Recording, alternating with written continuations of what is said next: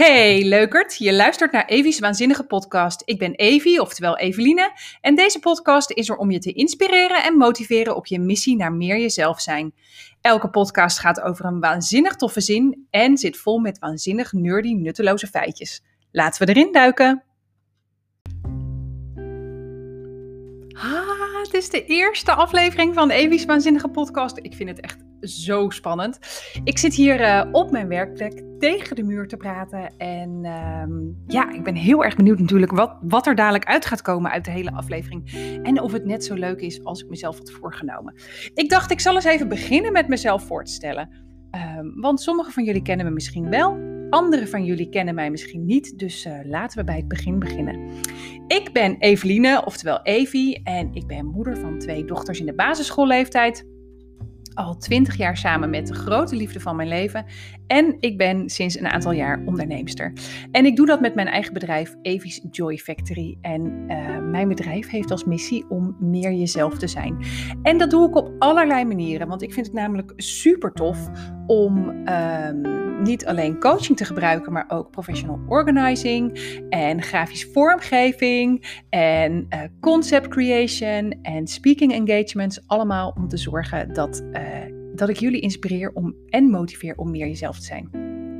Nou, mijn bedrijf gaat dus heel erg over persoonlijke groei en authenticiteit en creativiteit. En ik hou van heel veel kleur. Dat zie je ook terug op mijn website of op mijn Instagram.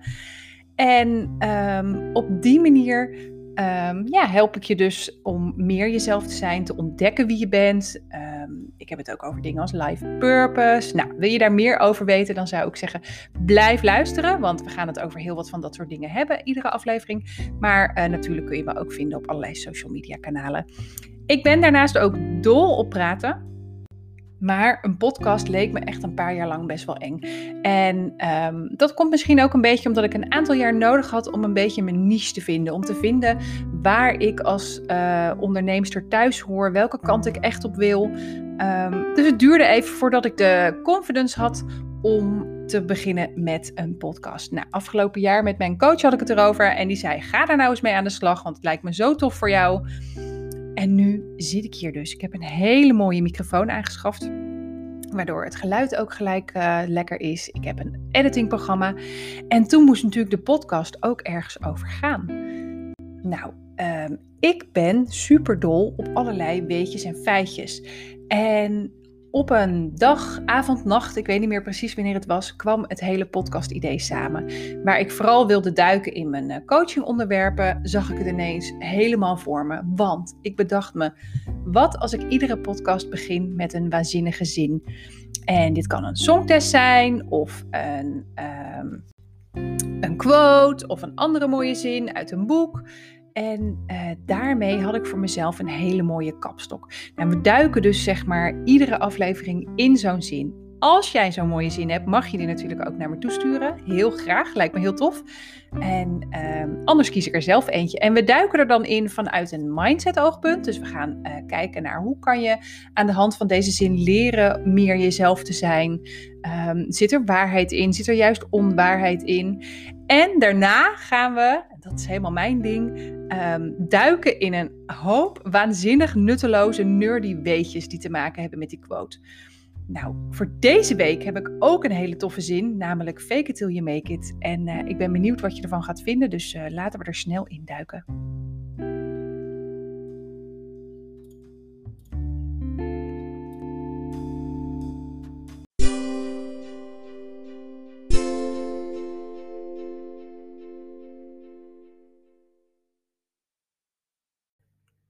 Yes, de eerste zin van de allereerste aflevering van Evie's Waanzinnige Podcast. Fake it till you make it. Nou, hij lag echt zo voor de hand dat ik dacht, laten we daar dan maar gelijk induiken. En ik had er gelijk superveel associaties bij. Dus dat is natuurlijk ook fijn als je um, ja, dieper in een onderwerp wilt duiken. Fake it till you make it. Um, in eerste instantie heb ik echt superveel aversie tegen die uitspraak. Um, een van de dingen die voor mij super belangrijk zijn, is authentiek zijn, jezelf zijn en jezelf dus niet faken. Maar toen ik in deze uitspraak dook, kwam ik erachter dat er natuurlijk veel meer achter zit dan je op het eerste uh, zicht zou zien. Um, En ik dacht, laten we dan maar gelijk even beginnen met die tegens. Want de tegens van faking it zijn natuurlijk dat je sowieso hele onwaarheden hebt. Nou, die laat ik even terzijde liggen. Maar wat ook faken kan zijn, is net doen alsof. Een soort masker opzetten. En dat betekent dat je niet helemaal comfortabel bent met wie je bent. Dat kan zijn omdat je omgeving uh, niet accepteert, maar ook omdat je het zelf niet accepteert. Je verstopt daarmee dus eigenlijk ook je eigen verlangens. Je ontwijkt wat je eigenlijk graag wil hebben. En je gaat een beetje stiekem meer waarde hechten aan de mening van anderen dan aan die van jezelf. En dan kom je echt wel op wankelijs. Um, want zodra je naar uh, buiten jezelf gaat kijken om uh, validatie te krijgen of waardering te krijgen, dan is het eigenlijk een soort verloren wedstrijd. Want binnen in jou brandt een vuurtje wat echt super graag wil dat jij accepteert wat dat vuurtje is. En voor iedereen is dat vuurtje anders, maar wat het voor iedereen wil, is geaccepteerd worden. Nou, je zou kunnen zeggen dat de makkelijkste manier om dat vuurtje geaccepteerd te laten voelen, is jezelf accepteren en jezelf um, uh, liefde geven die je eigenlijk van anderen zou willen. En het is misschien niet uh, makkelijker in de uitvoering, of in ieder geval het klinkt heel simpel, maar het is niet makkelijk. Maar het is wel de meest vullende manier van waardering hebben. Nou, fake it till you make it kan ook een beetje zijn dat je uh, wel uh, true bent naar jezelf, dat je jezelf kent en waardeert, maar dat je even moet doen alsof. En dan komen we een beetje in het stukje uh, meer een soort mindset. En um, ja, dan is het een beetje de vraag, hoe erg doe je alsof? Um, misschien doe je helemaal niet zo heel erg alsof. En heb je gewoon vooral een beetje last van het imposter syndroom. Nou, ik denk dat iedereen daar wel eens last van heeft gehad. Dat je iets gaat doen en misschien heb je wel heel hard gezegd, ja hoor, dat kan ik wel. Uh, of je doet iets wat heel makkelijk voor je is. En uh, waarvan anderen de hele tijd zeggen: Wauw, wat goed dat jij dat kan. En dat je zelf denkt: Ja, ik, ik doe niet echt zoiets heel bijzonders, toch? En, en waarom uh, prijst iedereen me ervoor? Of uh, kan ik hier wel geld voor vragen als je net als ik zelfstandige bent? Um, dat is natuurlijk ook een beetje een lastig ding, want dat maakt je wel kwetsbaar. Maar um, als je eigenlijk goed in je werk bent, hè, als je daar rationeel naar kijkt, of goed bent in, in wat dan ook, in opvoeden of in relaties, um, ja, dan is dat eigenlijk een klein ding om aan te werken en jezelf meer zelfvertrouwen te gunnen en gewoon in een iets mooier spotlight te zetten. Maar het kan ook zijn dat je uh, veel groter faked, zeg maar. Dat je echt inderdaad dat masker optrekt, niet alleen voor wie je bent, maar ook voor wat je kan. En ook dan kom je natuurlijk weer een beetje op een soort helling terecht. Want um, ja, hoe minder je voelt dat je het kan, hoe meer je gaat faken en hoe minder authentiek je wordt, hoe lastiger het wordt om connecties te leggen met anderen. Om, um, omdat andere mensen ook aanvoelen dat jij niet bent wie je denkt dat je bent. Of wie je zegt dat je bent eigenlijk. Nou, ik ben heel erg benieuwd. Heb je dat wel eens meegemaakt, dat imposter syndroom? Zo kreeg ik natuurlijk te horen van heel veel mensen. Ja, ga die podcast superleuk. Je praat zo makkelijk. Je praat zo graag. Ga dat nou gewoon lekker doen. Uh, maar het heeft echt wel een tijdje geduurd, want ik dacht echt zo, ja, uh, ik praat lekker tegen vriendinnen of zo, of tegen mijn man, maar um, betekent niet gelijk dat ik goed ben in een podcast maken. En um, ja, dan vraagt het dus soms wel even een beetje soort van als een gorilla op je borst slaan en zeggen, oké, ik kan het. Een mooie uitspraak is natuurlijk ook die van Pipi Langkous, hè. Ik heb het nog nooit gedaan, dus ik denk dat ik het wel kan. En moet je jezelf dus even voor de gek houden. En daarmee lopen we gelijk over naar de voors. Want welke voordelen zijn er nou eigenlijk van fake it till you make it? Als je het hebt over fake it till you make it in de positieve zin, uh, dan heb je het eigenlijk over uh, doen alsof je het al kan en jezelf daarmee de credit geven, het zelfvertrouwen geven dat je dit gaat redden. Dat betekent natuurlijk niet dat het per se makkelijk is, en dat je alles zomaar kan, of dat je niks hoeft te leren of niet zult struikelen. Maar het is een soort vertrouwen hebben. Um, dus niet zozeer in dat je kan, maar dat je het kunt volbrengen met de dingen die nodig zijn totdat je het gemaakt hebt. Hè? Till you make it. Dat betekent dat je er vertrouwen in hebt dat je de struikelblokken die voor je komen te liggen kunt oplossen, dat je hulp kunt vragen, dat je dingen kunt leren, dat je het misschien nog een keer moet doen en dat daar geen probleem mee is. Het is een beetje die growth mindset, als je daar wel eens van gehoord hebt. Uh, het is niet accepteren dat waar je nu bent ook is waar je zult blijven. En dus accepteren dat je vooruit kunt, dat je kunt struikelen, dat je kunt leren, dat je opnieuw kunt beginnen, maar vooral dat je iets kan. Um, ik ben het woord even kwijt, in de vingers kunt krijgen, zeg maar. Dat je capabel genoeg bent om dingen te leren. En um, iets wat daarop inhaakt, is bijvoorbeeld de Law of Attraction of de wet der aantrekking. Nou, voor jullie uh, is dat misschien wel bekend, misschien niet. Ik leg het even kort uit. Het is eigenlijk leven met het idee dat al het goede uit het universum komt. Uh, en dat het naar je toe komt wanneer je goed in je vel zit en je goed voelt over jezelf. Dus in plaats van dat je superveel energie steekt in, uh, hè, als je je dag niet hebt om, ik moet dit af hebben, dat je gewoon zegt, oké, ik heb blijkbaar rust nodig. En dat je het vertrouwen hebt um, dat je bijvoorbeeld de volgende dag dan eigenlijk veel efficiënter en meer kunt doen van je werk omdat je die rust hebt gepakt die je nodig had. Nou, dat is even heel kort gezegd. Er is vast iemand die dit uh, beter kan omschrijven dan ik, maar dat is een beetje waar het om gaat. En in dat opzicht is fake it till you make it dus een beetje uh, doen alsof je er al bent. Jezelf uh, al voor je zien als podcastmaker, als succesvol spreker en die energie dan te gebruiken. En het is niet zozeer faken of liegen, maar geloven in je eigen kracht. En dat omhoog halen naar het nu. Het is misschien een beetje als acteren. Als doen alsof je iets bent wat je niet bent. En proberen op die manier um, ja, je wel zo voor te doen. En dat kun je natuurlijk op heel veel positieve manieren inzetten. Ik denk dat um, bijvoorbeeld als je moeder wordt, we allemaal een beetje fake it till you make it doen. Omdat, ja, wat weten wij er nou van bij de eerste? Ook al kan je het nog zo gezien hebben iedereen, uh, en zeker bijvoorbeeld mijn man, kijkt me dan echt zo aan van, oh, jij weet toch waar je het over hebt? En dan denk ik echt, denk, ik weet ook niet waar ik het over heb, maar hey, het zal wel goed komen. En uh, soms kan het dus helpen om in die rol te stappen. Dat kan je doen met visualisaties, maar ook bijvoorbeeld uh, door je uh, aan te kleden zoals je eruit wil zien. Dress the part, weet je, net als een acteur. Wanneer die ineens zo'n ouderwets kostuum aan heeft, voel je je ook meer zo. Uh, maar dat kan ook heel goed werken met hoe jij jezelf ziet in de spiegel. Weet je, ik uh, zit hier in vrij lounge kleren vandaag. Voel me comfortabel voor deze eerste aflevering. Maar ik besef me nu, ik had ook echt mijn haar even kunnen doen. Een lippenstiftje op kunnen doen. Leuk setje aan kunnen doen. Voor het gevoel dat ik hier uh, ja, de business babe ben die dit wel gaat regelen. Nou, volgens mij snap je wel een beetje waar ik naartoe wil met dit verhaal. En ik vind dit dus een heel interessant onderwerp. Want um, ja, het is zo makkelijk om te zeggen tegen jezelf: je kan iets niet. Of het is eng, of ik doe het niet, of ik neem het risico niet. Hè, om ergens in te springen. Er wordt ook heel vaak gezegd over ondernemen: je moet gewoon beginnen. En over allerlei nieuwe dingen in het leven. Uh, start before you're ready. Ook zo'n mooie zin. Nou, daar zou ik ook wel een hele podcast over kunnen maken. Maar het is wel een beetje waar. En um, dat heeft met een aantal dingen te maken. Allereerste wordt de angst in je hoofd heel vaak um, neergezet door je oerbrein. En daar duiken we zo even wat verder in.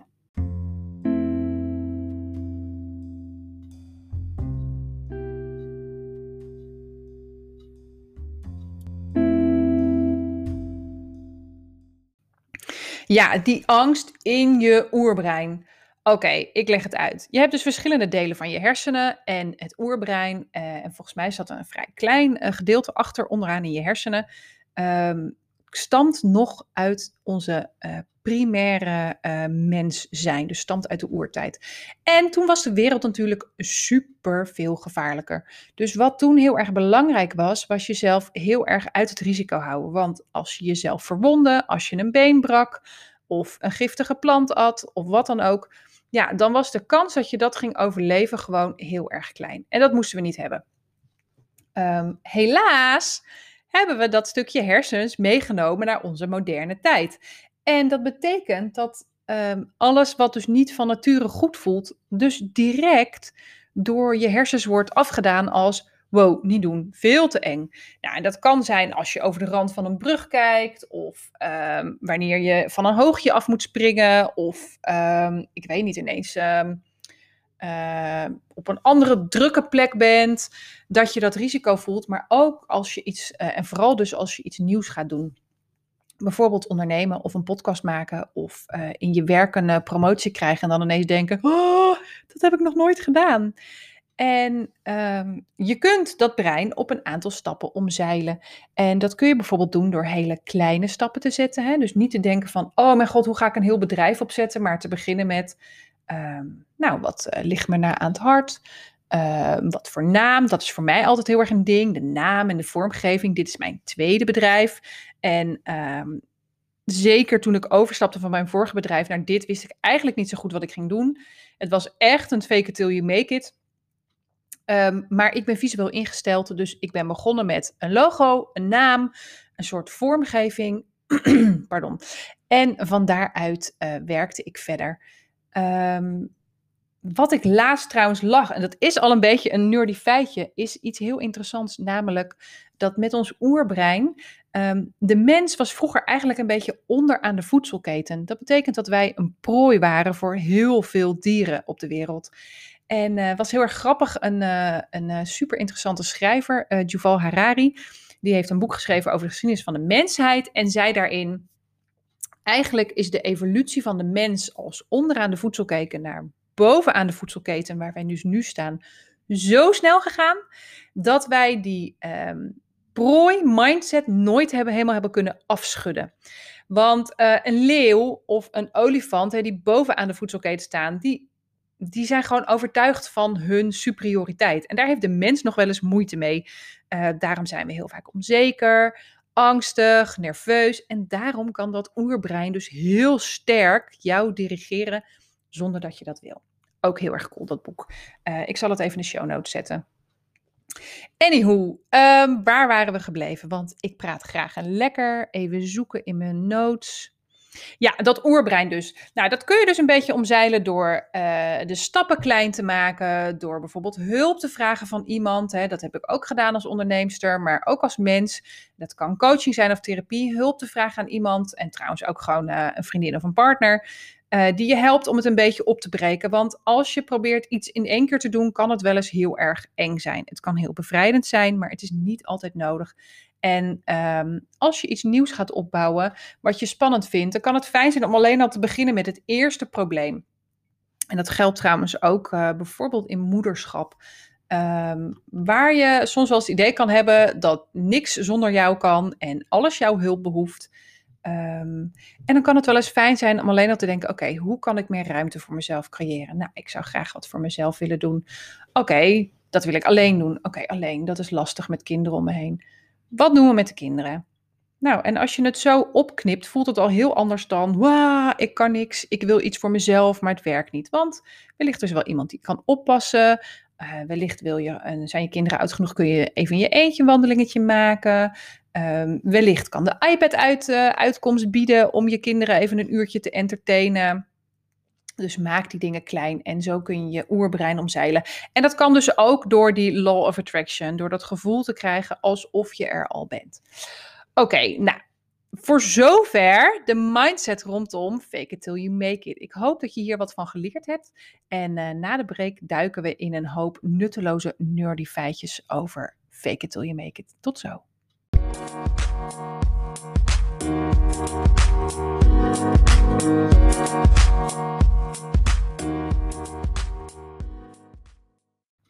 Yes, oké. Ik hoop dat dat eventjes heeft kunnen bezinken. Uh, misschien vind je het interessant om de volgende podcast mee te schrijven of uh, juist dingetjes even terug te luisteren. Um, ik heb ook show notes waarin ik noteer wat een beetje de hoogtepunten zijn per aflevering, maar ook dingen zoals een boek of een andere podcast die ik benoem, die je dan terug kunt vinden.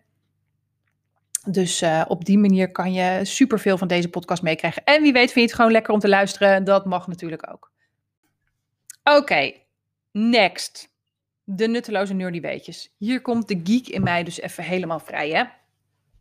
Ik ging dus zoeken, wat is er met fake? En ik kwam echt een hoop ontzettend geeky nerdy dingen tegen. Zo kwam ik er bijvoorbeeld uh, Uh, ik ben gewoon gaan googlen. En echt tot een mega interessante ontdekking. En dat waren feiten die klinken alsof ze fake zijn, maar die waar zijn. Oké, luister. Cleopatra leefde dichter bij de uitvinding van de iPhone dan bij de bouw van de piramides van Giza. Nou, ik bedoel echt, wow, wat? Um, en de piramides zijn gebouwd in ongeveer 2500 voor uh, Christus, maar Cleopatra leefde pas uh, veel later, rond 50 tot 30 voor Christus. En sterker nog, uh, toen de piramides gebouwd werden, leefde de mammoet nog. Die stierf pas ongeveer duizend jaar later uit, rond 1650. Nou, ik bedoel echt, ah, dat soort feiten vind ik dus echt way cool. En um, ik zag dus bijvoorbeeld ook dat, uh, dat er een hele hype is rondom hyperrealistische taarten op Instagram. Het is echt een soort zwart gat. Taarten die eruit zien als uh, rauwe kipfilets, handtassen, bloemkolen. Uh, ik zal even een linkje in de show notes zetten, maar ook dat was natuurlijk super gaaf. Um, maar toen kwam ik op zeer interessante dingen, namelijk vrouwen die moesten faken om te doen wat ze graag wilden. Um, omdat het gewoon niet anders kon. En dat past natuurlijk veel meer bij ons uh, mindset-onderwerp. Zo zijn er heel erg veel vrouwen die in de geschiedenis zich voordeden als uh, verloren leden van de koninklijke familie of rijke edeldames, om zo geld te kunnen stelen of op plekken te komen waar ze normaal niet gewenst werden. En um, ja, dat is natuurlijk heel erg grappig. Ik zag heel erg veel leuke verhalen daarover. Maar waar het echt interessant wordt, vond ik uh, vrouwen die zich anders voordeden. Niet zozeer als prinses of wat dan ook. Maar um, om geld te stelen, maar vooral om uh, iets te doen wat ze heel graag willen. Zo zijn er heel veel vrouwelijke schrijfsters die kiezen voor een genderneutrale naam. Um, om serieus genomen te worden. En zo recent nog als J.K. Rowling. Uh, haar naam is Joanne en haar target audience of haar doelpubliek uh, zou jonge jongens zijn. En ze dachten niet dat dat zou aanslaan. En dus koos ze een naam in haar afkorting, zodat uh, eigenlijk niemand zou weten wie ze was tot ze wat bekender zou worden. En ook de bekende schrijvers, de Bronte Sisters, die onder andere Jane Eyre en Wuthering Heights hebben geschreven die uh, werkte eigenlijk onder uh, mannennamen en onthulde pas na de succes van hun boeken um, dat ze dus vrouw waren, omdat ze anders in hun tijd nooit serieus zou zijn genomen. En uh, er zijn heel erg veel waargebeurde verhalen van vrouwen die zich voordeden als man om mee te kunnen vechten in een oorlog. Um, een van de bekendste daarvan is natuurlijk um, Jeanne d'Arc of Joan of Arc. Nou, als je een nou, als je een beetje van geschiedenis houdt, dan ken je uh, Jeanne d'Arc wel natuurlijk. Zij was in de 15e eeuw in Frankrijk een geweldig militair leider. Werd dat naar aanleiding van een visioen waarin ze te horen kreeg van de engelen dat ze uh, het land moest leiden in de oorlog. Ze stierf pas als 19-jarige door een executie toen ze eenmaal gevangen werd genomen en ontdekt. Maar ze heeft nog steeds nu een enorme rol in de Franse geschiedenis. Staat volgens mij op de postzegels en is echt onderdeel van die cultuur. En een andere die we natuurlijk wel kennen is bijvoorbeeld Mulan. Um, dit is overigens een fake fake. Uh, ik dacht dat het wel gebaseerd was op een um, echt verhaal. En het is zeker geïnspireerd op verschillende vergelijkbare verhalen, maar er is geen waarheid te vinden. En dat geldt ook voor uh, paus Johanna, een, een paus waarvan gedacht wordt dat zij een vrouw was. En uh, ja, op die manier in dat mannenbolwerk terecht wilde komen. Nou, in onze tijd uh, zijn er ook gewoon super veel mooie voorbeelden hiervan. Zo was er een Joods-Amerikaanse vrouw die in de jaren 50 dol was op judo. Dat leerde in uh, Brooklyn, waar zij woonde na de immigratie van haar ouders.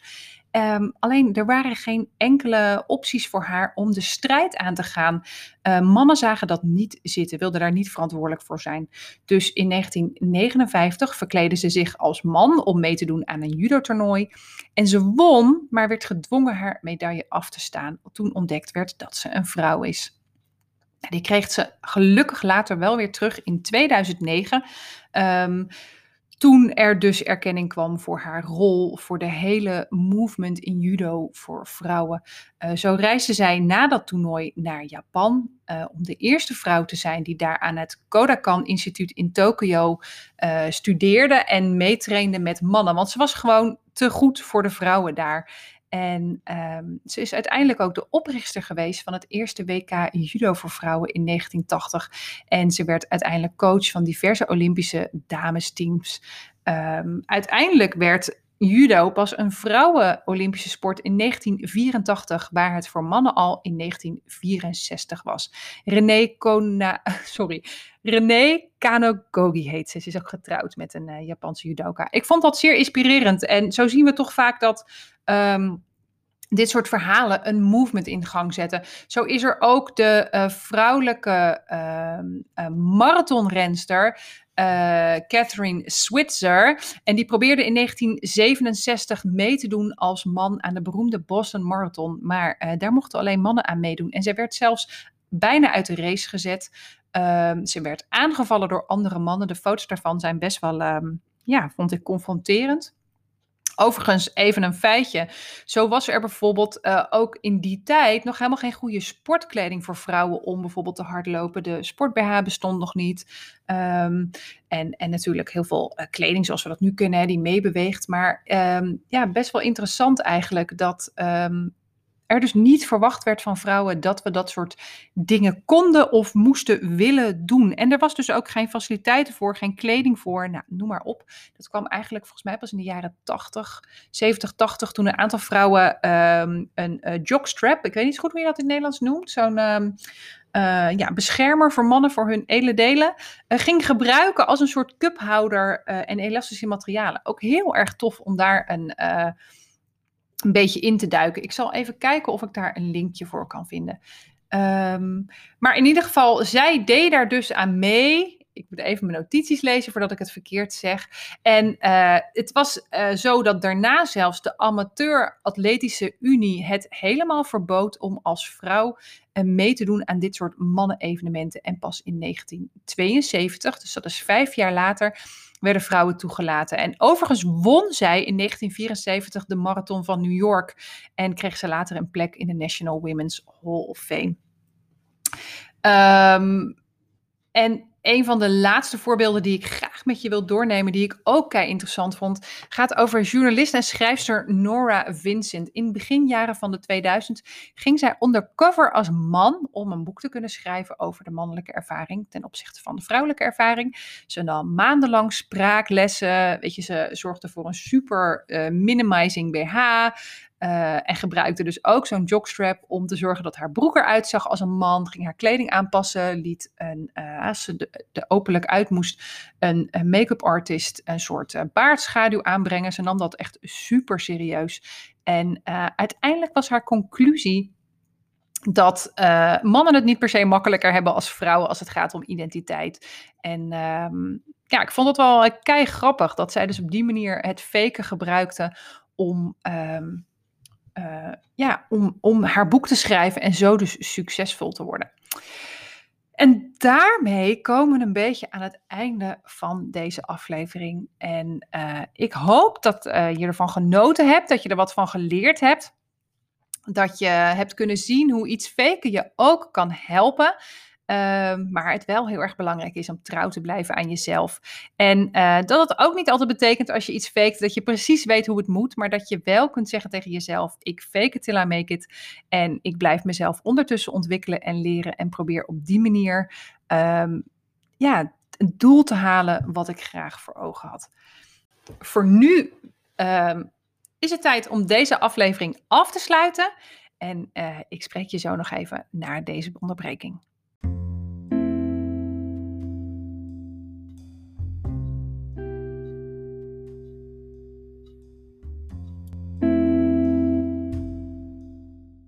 Wow, dat was hem. De eerste Evi's Waanzinnige podcast. Ik vond het heel erg spannend. Ik ga dadelijk natuurlijk deze aflevering nog bewerken en zorgen dat die wordt zoals jij hem nu gehoord hebt. Ehm, meer info over de podcast en mijzelf vind je in de show notes. Die vind je terug op Instagram, at Evi's Joy Factory. En uh, laat me daar ook even weten wat je uh, vond van deze aflevering. Want uh, daar ben ik natuurlijk heel erg benieuwd naar. voor nu zou ik zeggen, tot de volgende aflevering en nog een hele mooie dag. Doei!